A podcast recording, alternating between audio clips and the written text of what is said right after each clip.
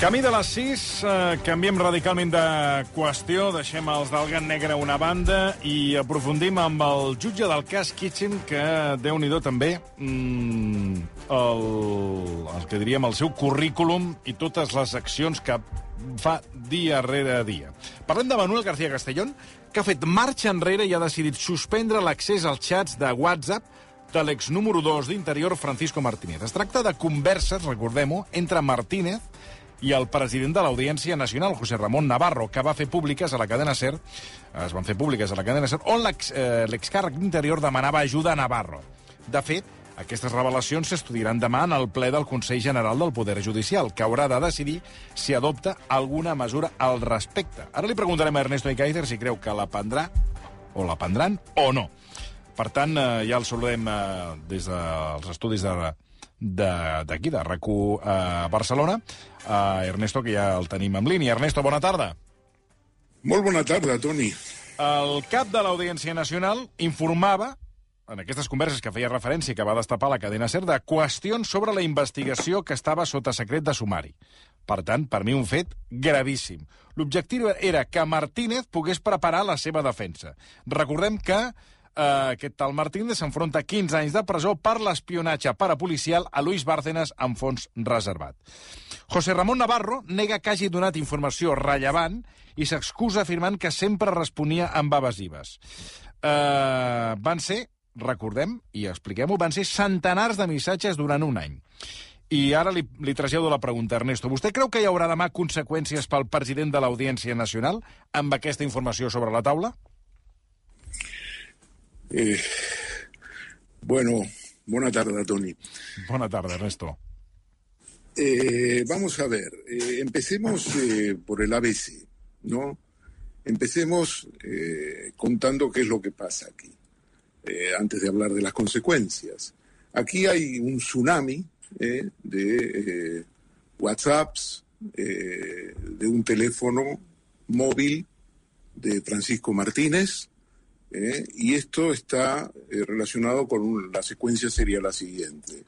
El 13 de marzo del 2000, eh, 13 de marzo del 2020, un día antes de que se declare el estado de alarma, declare por el gobierno de Pedro Sánchez el estado de alarma, hay una operación montada en Cataluña y en Madrid.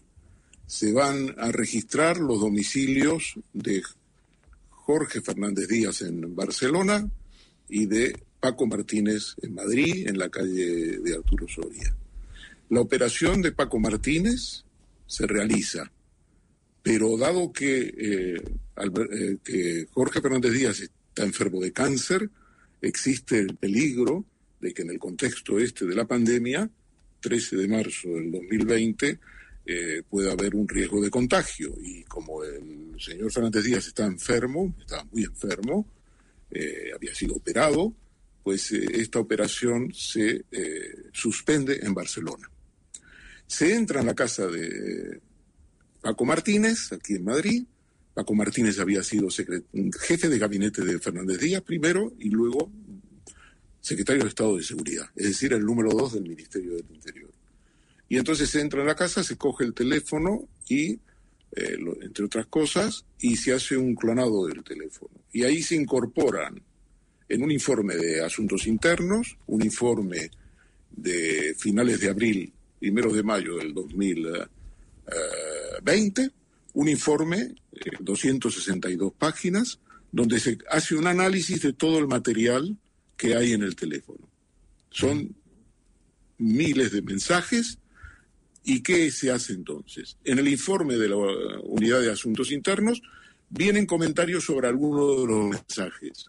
Por ejemplo, de Moncho, al que usted ha nombrado, Sí. yo le llamo Moncho, José Manuel Navarro, viene un mensaje de eh, Paco Martínez donde le dice que eh,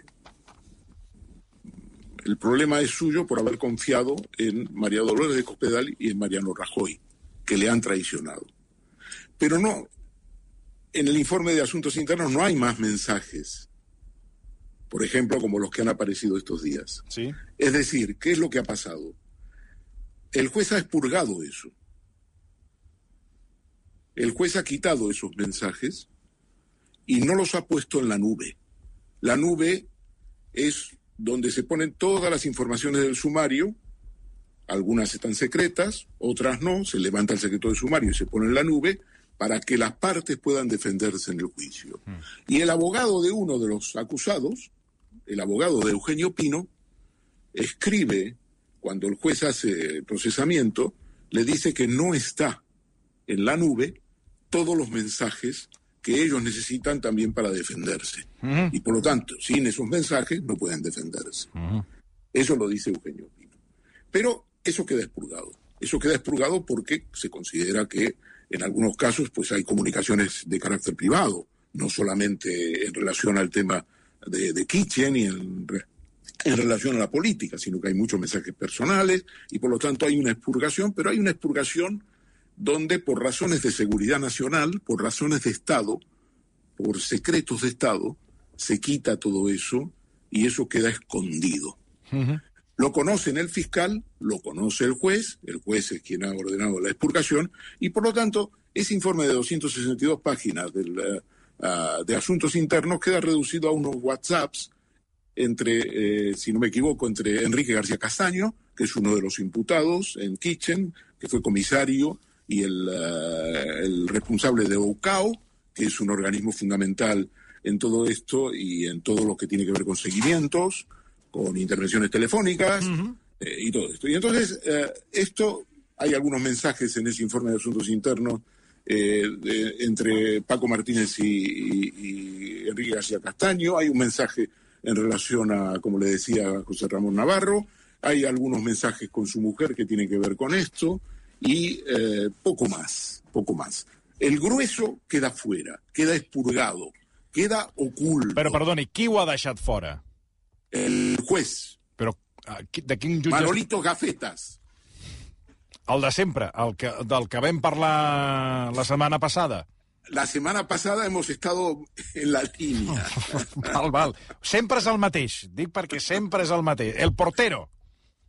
El portero, el exactamente. Can, el, el, portero el, de la Operación Cataluña. El mismo, el, cancerbero. De, exactamente, el cancerbero respecto del PP, de María Dolores de Cospedal y todo esto. Y entonces él lo, lo, deja fuera. Y eso queda colgado, queda oculto. Ahora, cuando se ha levantado el secreto del sumario, ya se ha levantado hace mucho, pero sin embargo, a pesar de levantarse el secreto del sumario, eso no se conoce. Y ahora se ve que ha habido algún, no sé si algún descuido o lo que fuere, y lo han colgado en la nube. Al colgarlo en la nube, Tony, todos tienen acceso, todas las partes han tenido acceso. Y los tienen todos eh, y por lo tanto, aunque el juez haya retirado eso, ya no tiene ninguna importancia. Es un gesto, es un gesto vacío. Entonces ha quedado en evidencia toda la historia. Eh, la, la, evidencia consiste en que en el año 20 se interviene el teléfono, no, no se interviene, se, se incauta el teléfono móvil de Paco Martínez, se sacan todos esos eh, mensajes que son valiosos, se expurgan y quedan escondidos y no se sube a la nube. Ahora ha quedado en evidencia todo eso porque el juez, eh, no se sabe si el letrado de la Administración de Justicia los ha colgado porque se ha levantado el secreto del sumario, los ha puesto indiscriminadamente, la gente, las partes se han hecho con esos eh, informes y ahora el juez viene a decir que se echa marcha atrás porque tiene eh, un impacto, porque son de secretos de la seguridad del Estado Ya. y todo eso. Entonces, a- ahora voy a la pregunta que usted me hacía. Moncho, ¿cómo, José, eh, José Ramón ¿cómo- Navarro. ¿Cómo contesta a Francisco Martínez? Mm. Si usted lee todos los mensajes, yo los he leído, eh, y hay muchísimos más, eh, verá que eh, el presidente de la Audiencia Nacional es sumamente cuidadoso, sumamente cuidadoso. No lo puede escoger en, un, en, un, en una sola, digamos, en una sola línea de frase que puedas decir, este tío aquí lo cogemos, lo tenemos trincado. No, quiere decir, es perfecto. Lo que quiere decir con esto, que al ser tan perfecto, ya no es creíble. Es decir, él es consciente que eso en algún momento puede hacerse público y que lo puede comprometer con Paco Martínez. Paco Martínez, que está desesperado, entre comillas, y que es un hombre relativamente débil y que puede cantar en cualquier momento, esto ya vale para el futuro también, Tony, porque él está acusado y se le piden 15 años, y es una persona muy débil de carácter, eh, y se ha sentido solo, se ha sentido traicionado, él, eh, eh, lo que nos puede servir estos WhatsApps es para hacernos una pregunta elemental, fundamental. ¿Quién le daba o quiénes le daban la información que pedía Paco Martínez a Moncho José Ramón Navarro, presidente de la Audiencia Nacional? Usted dice, bueno, ¿y usted cómo sabe que se la daban? Yo sé que se la daban. Yo sé que el juez García Castellón se la daba. Yo sé que el juez de Gea antes de Castellón, que precedió a Castellón en la, en la pieza de tándem en la Audiencia Nacional, en el juzgado 6, se la daba. Moncho es un personaje que no ha tenido que hacer mucho para escalar a la Audiencia Nacional. Ha estado en Tenerife, ha estado en el Tribunal Superior de Justicia, han estado en distintos puestos y para la Audiencia Nacional el PP le ha ido a buscar. Es un personaje clave, clave. No desde el punto de vista jurisdiccional, pero sí del punto de vista de la información. Y la información que corre ahí es muchísima.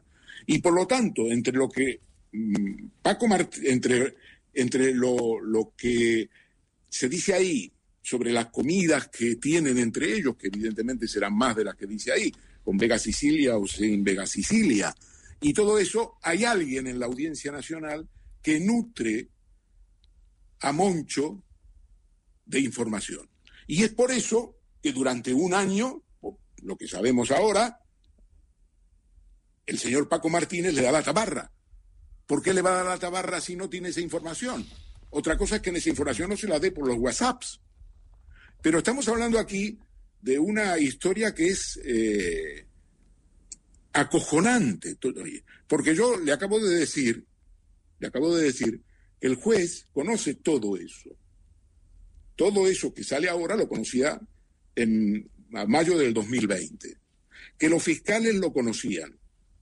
Fíjese lo que hacen los fiscales tras conocer el grueso del material. Piden en un escrito de 6 de septiembre del 2020 la imputación de Fernández Díaz y la imputación de Cospedal y la imputación de Ignacio López de Hierro.